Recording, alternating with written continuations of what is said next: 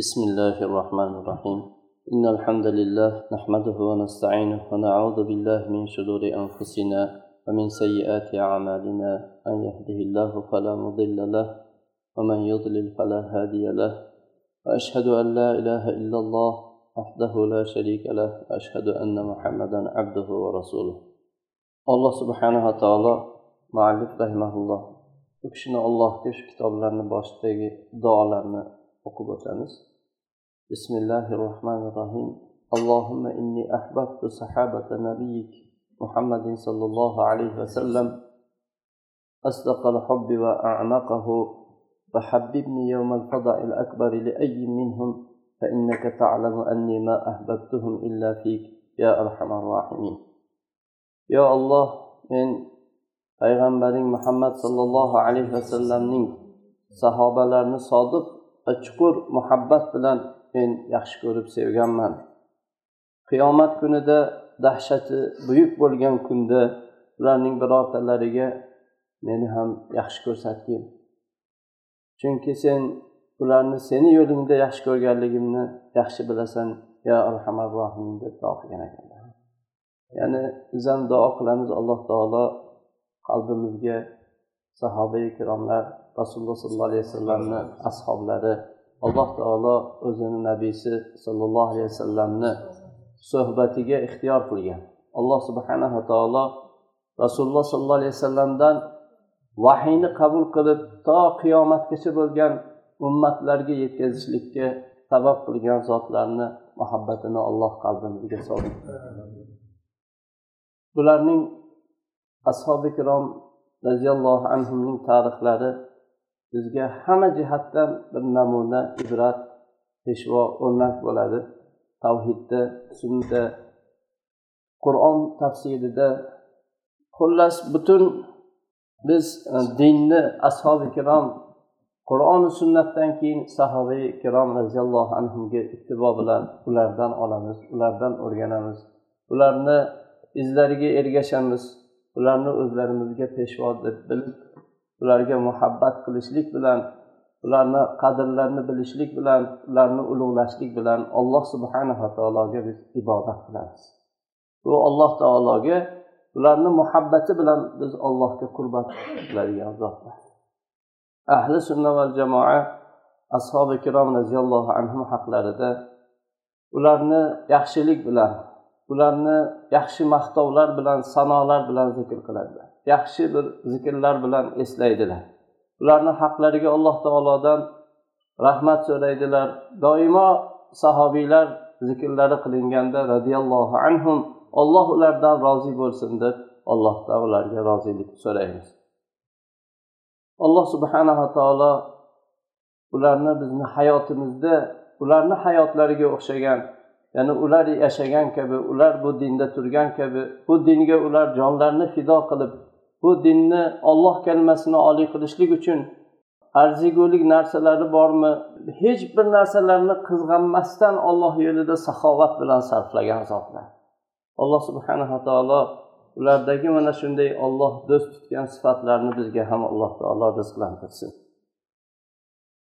Ularni yaxshilik bilan zikr qilishlik ularga muhabbat qilishlik bu ahli sunna va jamoa aqidadan ularni haqorat qilishlik ularga ularni nomuslari haqida tillariga erk berishlik ularni kufrga nisbat berishlik ular qadr qiymatini bilmaslik bu yo kufr bo'ladi yo nifoq bo'ladi.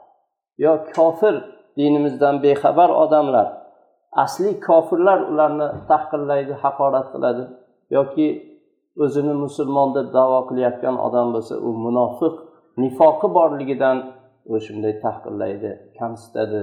Bu zotlar haqlarida shunday salbiy so'zlarni gapiradi.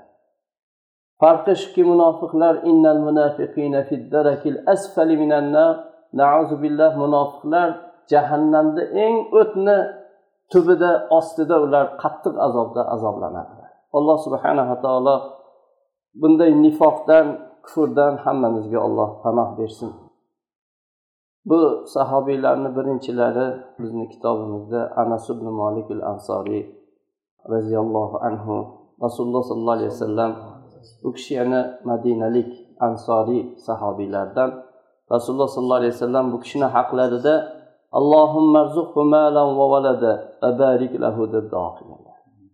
yo olloh anasga mol va farzand dunyo va farzand rizqlantirgin. Va unga barakot bergin deb duo qilganlar. Anas ibn molik bilan boshlaymiz. Anas ibn molik roziyallohu anhu onalari e, humayso roziyallohu anhu onalari bu musab ibn umay roziyallohu anhuni madinaga borib madina ahlini iymonga da'vat qilgan vaqtda u kishini da'vatlari bilan islomga kirib keyin bu e, o'zlarini farzandlari anas roziyallohu anhuga shahodataynni o'rgatib va u kishini shunday hali yosh qalbiga islom payg'ambari muhammad ibn abdulloh sollallohu alayhi vasallamni muhabbatlarini u kishini qalbiga to'ldirib tarbiyalagan vaqtda hali u kishi yana bir umrini bir gul yoshida edi u kishi. Va bu mehribon onaning tarbiyalari bilan bu kishidan rasululloh sollallohu alayhi vasallamni eshitib anas ibn molik rasululloh sollallohu alayhi vasallamga shunday qattiq muhabbat bilan rasululloh sollallohu alayhi vasallamni yaxshi ko'rdilar. Albatta buni qizig'i yo'q ba'zida inson ko'rmasdan eshitib ham yaxshi ko'radi. Bu yosh bola rasululloh sollallohu alayhi vasallam haqlarida eshitib u kishini muhabbati bilan qalbi to'lib u kishiga zavq qilib ulg'ayarkan doimo makkadagi o'zini payg'ambari sollallohu alayhi vasallamni oldilariga borishlik yoki rasululloh sollallohu alayhi vasallam yasribga kelishliklarini bu kishi doim orzu qilib yurardi. Rasululloh sollallohu alayhi vasallamni ko'rib quvonishlik va u kishiga yo'liqishlik bilan baxtli bo'lishlik orzusida. Lekin bu bu kishi uzoq kutmadi. Bu kishining bu orzusi umidiga uzoq vaqt o'tmadi. Hatto bunday baxtlik madina shahrida yana havas qiladigan bunday rasul sollallohu alayhi vasallamning hijratgohlari bo'lgan shaharda nabiy sollallohu alayhi vasallam va u kishining sahobalari abu bakr siddiq roziyallohu anhu ikkalalari shu madinaga qarab yo'lga chiqqanliklarini xabari tarqaldi. Shunda madinadagi har bir xonadonni quvonch o'radi har bir qalbga mo'min qalblarga bir xursandchilik shodlik to'ldi. Qalblar rasululloh sollallohu alayhi vasallam va u kishining sahobalarini qadamlarini ko'tarib kelayotgan mana bunday muborak yo'lga shu intilib butun ko'ngillar shu yo'lga bog'langan edi. Yigitlar yoshlar har kun ertalab turib rasululloh sollallohu alayhi vasallam muhammad sallallohu alayhi vasallam kelyaptilar deb shu bir birlarini chaqirib yo'lga chiqishar edi. Shunda anas roziyallohu anhu o'zlarini tengqurlari yosh bolalar bilan birga u kishi ham chiqardilar. Lekin hech bir narsani ko'rmaganliklaridan g'amgin bo'lib qaytib kelardilar. Bir kuni shunday kunlar o'tar ekan bir kuni nihoyatda erta tongda shudringlari muattar bo'lgan nihoyatda go'zal bir sokin kunda madinadagi kishilar muhammad sollallohu alayhi vasallam va u kishining sahobalari madinaga yaqinlashib kelib qolibdilar deb ertalabda xabar tarqatdilar shunda kishilar bu rasul sollallohu alayhi vasallam ya'ni hidoyat payg'ambari yaxshilik payg'ambarini olib kelayotgan bu muborak yo'lga ko'zlari intilib shu tarafga qarab yurdilar. Ular to'da to'da bo'lib rasululloh sollallohu alayhi vasallamga bir birlaridan o'zishib borishar edi. Ularni oralarida yosh yigitchalar ularning kichik qalblarini quvonch o'ragan ularning yosh bu ko'ngillarini hayajonlanishlik o'ragan ularni qalbini o'ragan bu hayajon ularni yuzlarida ham yangrab ular kattalar orasida oralab borardilar. Bu yosh yoshlar oldida anas ibn molikil ansoriy u kishi ham bor edi. Rasululloh sollallohu alayhi vasallam o'zlarini sahobalari abu bakr siddiq roziyallohu anhu bilan birga madinaga kirib keldilar. Ular bunday katta bir jamoat erkaklar yosh bolalar yigitlar bo'lgan jamoat orasida yurib kelardilar. Ammo ayollar uydagi ayollar yosh qizchalar ular uylarining tomi ustiga chiqib uzoqdan rasululloh sollallohu alayhi vasallamga intilib qarardilar. Va ularni qaysi birlari rasululloh ularni qaysi birlari rasululloh sollallohu alayhi vasallam deb shu qidirib intilardilar. Bu kun madinada bir muborak bayram kuni bo'ldi. Anas ibn molik roziyallohu anhu bu bu kunni ya'ni yuzdan oshgan umrlari davomida buni eslab yurardilar. Rasululloh sollallohu alayhi vasallam madinaga kelib joylashishlari bilan anas roziyallohu anhuning onalari umayso binti milhon rasul sollallohu alayhi vasallamni huzurlariga keldilar. Bu yosh bolalari bu ayolni oldilarida u kishi ham yugurib chopqillab kelar edi va u kishini kokillari peshonalariga shunday tushib e, harakatlanib kelardi. Bu ayol kelib nabiy sollallohu alayhi vasallamga salom berdi. Aytdiki ya rasululloh ansorlardan har bir erkaku ayol sizga bir tuhfa berdilar. Men sizga mana shu o'g'limdan boshqa sovg'a beradigan tuhfa beradigan bir narsa topolmadim bu o'g'limni qabul qiling. Siz xohlagancha sizni xizmatingizda xizmat qilsin dedilar. Nabiy sallallohu alayhi vasallam bu yosh yigitchadan xursand bo'lib kishiga qaradilar. Boshlarini muborak qo'llari bilan siladilar va kokillarini mehribon qo'llari bilan ushladilar va o'zlarini ahllariga qabul qilib qo'shdilar.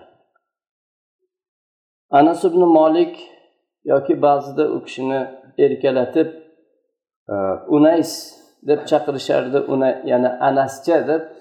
Bu anascha rasululloh sollallohu alayhi vasallamni xizmatlari bilan baxtli bo'lgan kunda o'n yoshda edilar.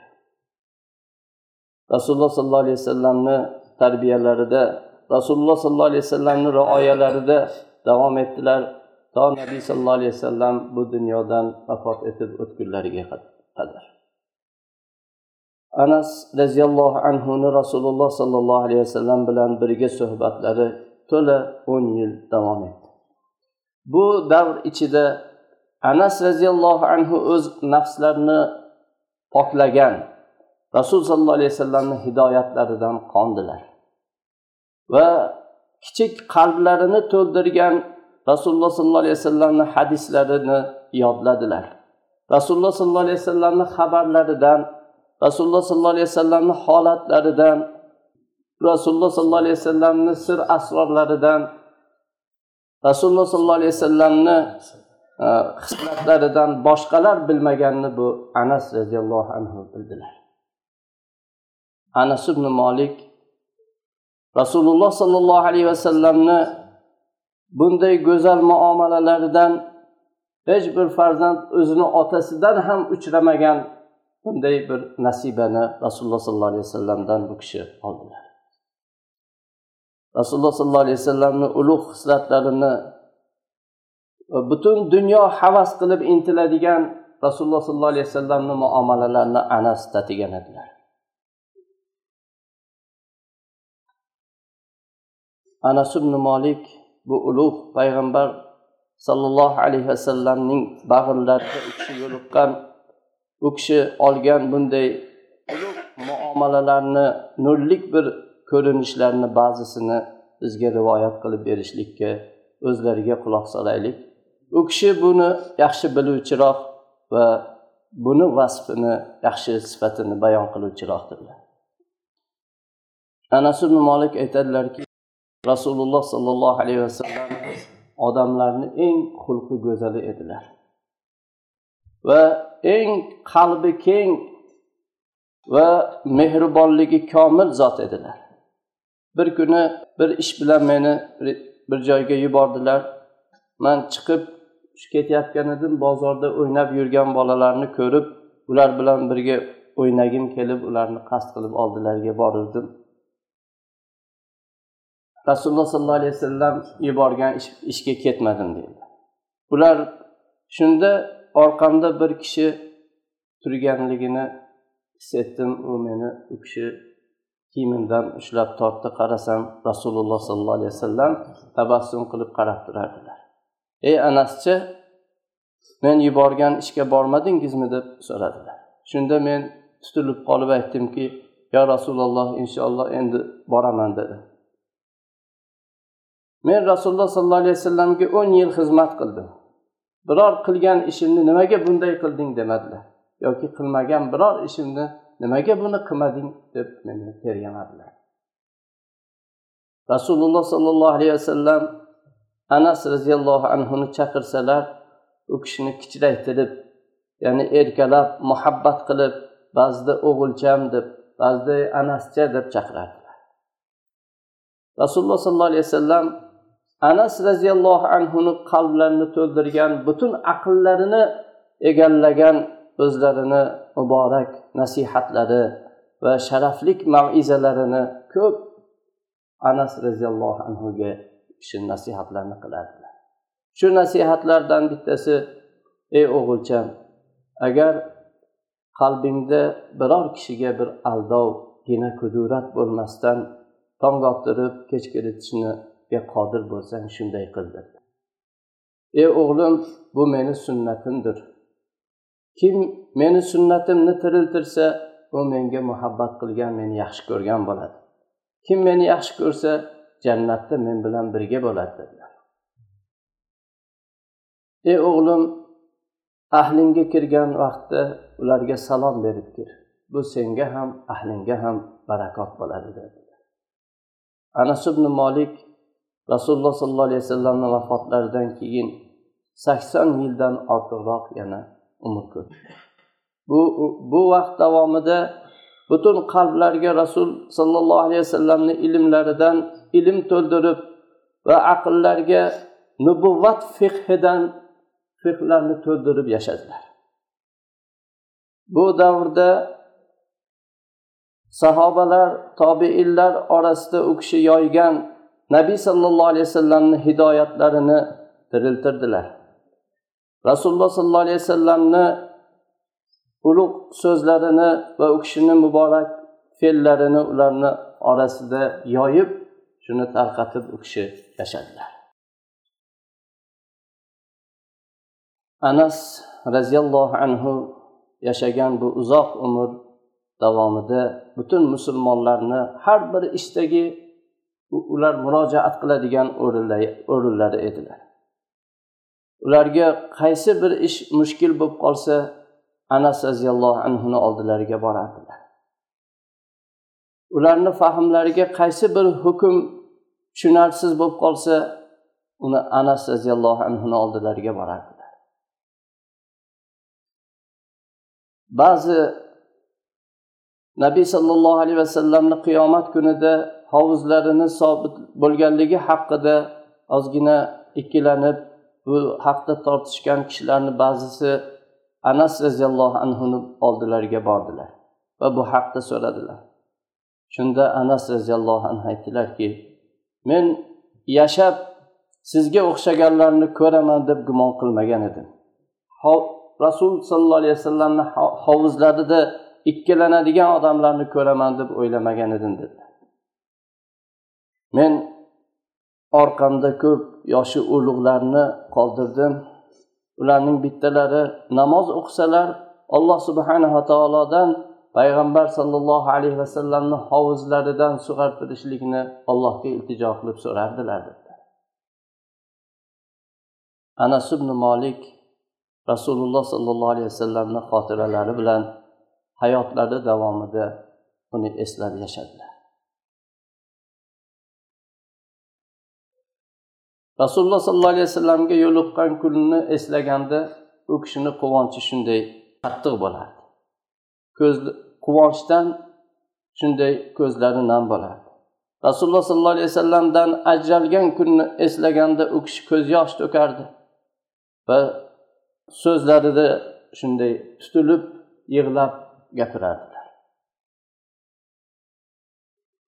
rasululloh sollallohu alayhi vasallamni qilgan ishlarida rasululloh sollallohu alayhi vasallamni so'zlarida rasul sollallohu alayhi vasallamga ittiboga haris edilar.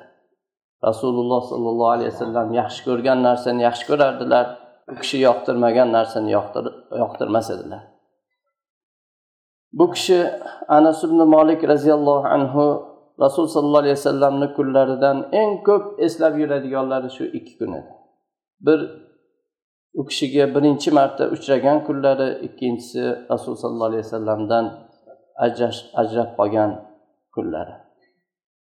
Birinchi kunni eslaganlarida shunday baxtli bo'lib shunday bir lazzatlanib u kishi huzur qilardi. Ikkinchi kunni eslagan vaqtda u kishi ho'ngrab yig'lar edi va atroflardagi odamlarni ham yig'latardi. Ko'pincha u kishi aytardiki men rasululloh sollallohu alayhi vasallam bizga kirib kelgan kunlarida rasul sollallohu alayhi vasallamni ko'rdim va bizdan qabz qilinib ya'ni dunyodan vafot etib o'tgan kunlarida u kishini ko'rdim. Bu ikki kunga o'xshagan kunni ko'rmaganman. U kishi madinaga kirib kelgan vaqtlarida madinada har bir narsa nurlik shunday porloq edi. Rasululloh sollallohu alayhi vasallam dunyodan robbilari tarafiga ketgan vaqtlarida madinada har bir narsa shunday g'am qoplagan zulmatlik edi. Men rasululloh sollallohu alayhi vasallamga oxirgi qaraganim rasul sollallohu alayhi vasallam hujralaridan chiqib pardani ko'tarib dushanba kuni edi qaragan kunda ko'rdim.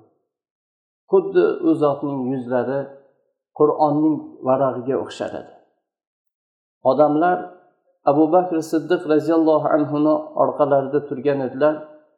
Shunday beqarorlik o'zlarini yaqin yo'qotib qo'yish darajasiga keluvdilar. Abu bakr roziyallohu anhu ularga sobit turinglar deb ishora ishora bilan shunday buyurdilar. Shu kuni oxiriga borib rasululloh sollallohu alayhi vasallam vafot etdilar. Biz rasululloh sollallohu alayhi vasallamni turpoq bilan ya'ni turpoqqa topshirar ekanmiz u zotni ko'mar ekanmiz. Bu kundagidan ko'ra u kishida yuzlarida bundan ko'ra ajoyibroq bir manzarani ko'rmaganman. Rasululloh sollallohu alayhi vasallam anas ibn molik roziyallohu anhuga juda ko'p haqlariga duo qilganlar. Rasululloh sollallohu alayhi vasallamni duolaridan allohumma va barik lahu. Yo olloh anasga o'zing mol va e, bola rizqlantirgin va unga barakot bergin deb duo qilganlar. Alloh subhanava taolo o'zini payg'ambari sollallohu alayhi vasallamni duolarini ijobat qildi. Anas roziyallohu anhu ansorlarning eng dunyosi ko'pi va zurriyotlari komili edilar. Hatto u kishi o'zlarini farz o'g'illari va nabiralaridan yuzdan ortig'ini ko'rdi u kishi. Alloh taolo u kishini umriga barakot berdi. Bir asr komil va bundan yana undan yana uch yil ortiq ham yashadi. Anas roziyallohu anhu rasululloh sollallohu alayhi vasallamni qiyomat kunida bo'ladigan shafoatlariga umidlari juda qattiq edi. Ko'pincha aytardilarki men qiyomat kunida rasululloh sollallohu alayhi vasallamga yo'liqib u zotga ey ollohni rasuli bu men anasman sizni xizmatkoringiz men anaschaman deb aytaman der edilar anas ibn molik o'lim to'shagida yotgan vaqtlarida ahllariga qarab oilalariga menga la ilaha illalloh muhammadu rasululloh deb o'rgatib turinglar dedilar. Keyin o'zlari shu la ilaha illalloh muhammadu rasululloh deb shuni takrorlab takrorlab nafaslari oh jonlari chiqdi. Anas roziyallohu anhuga rasululloh sollallohu alayhi vasallamdan bir kichik rasululloh sollallohu alayhi vasallam ko'tarib yuradigan bir hassalari kaltaklari bor edi. Shu anas roziyallohu anhuni qo'llarida edi ahllariga vasiyat qildilarki meni shu kaltakni qo'shib dafn qilinglar dafn qilganda.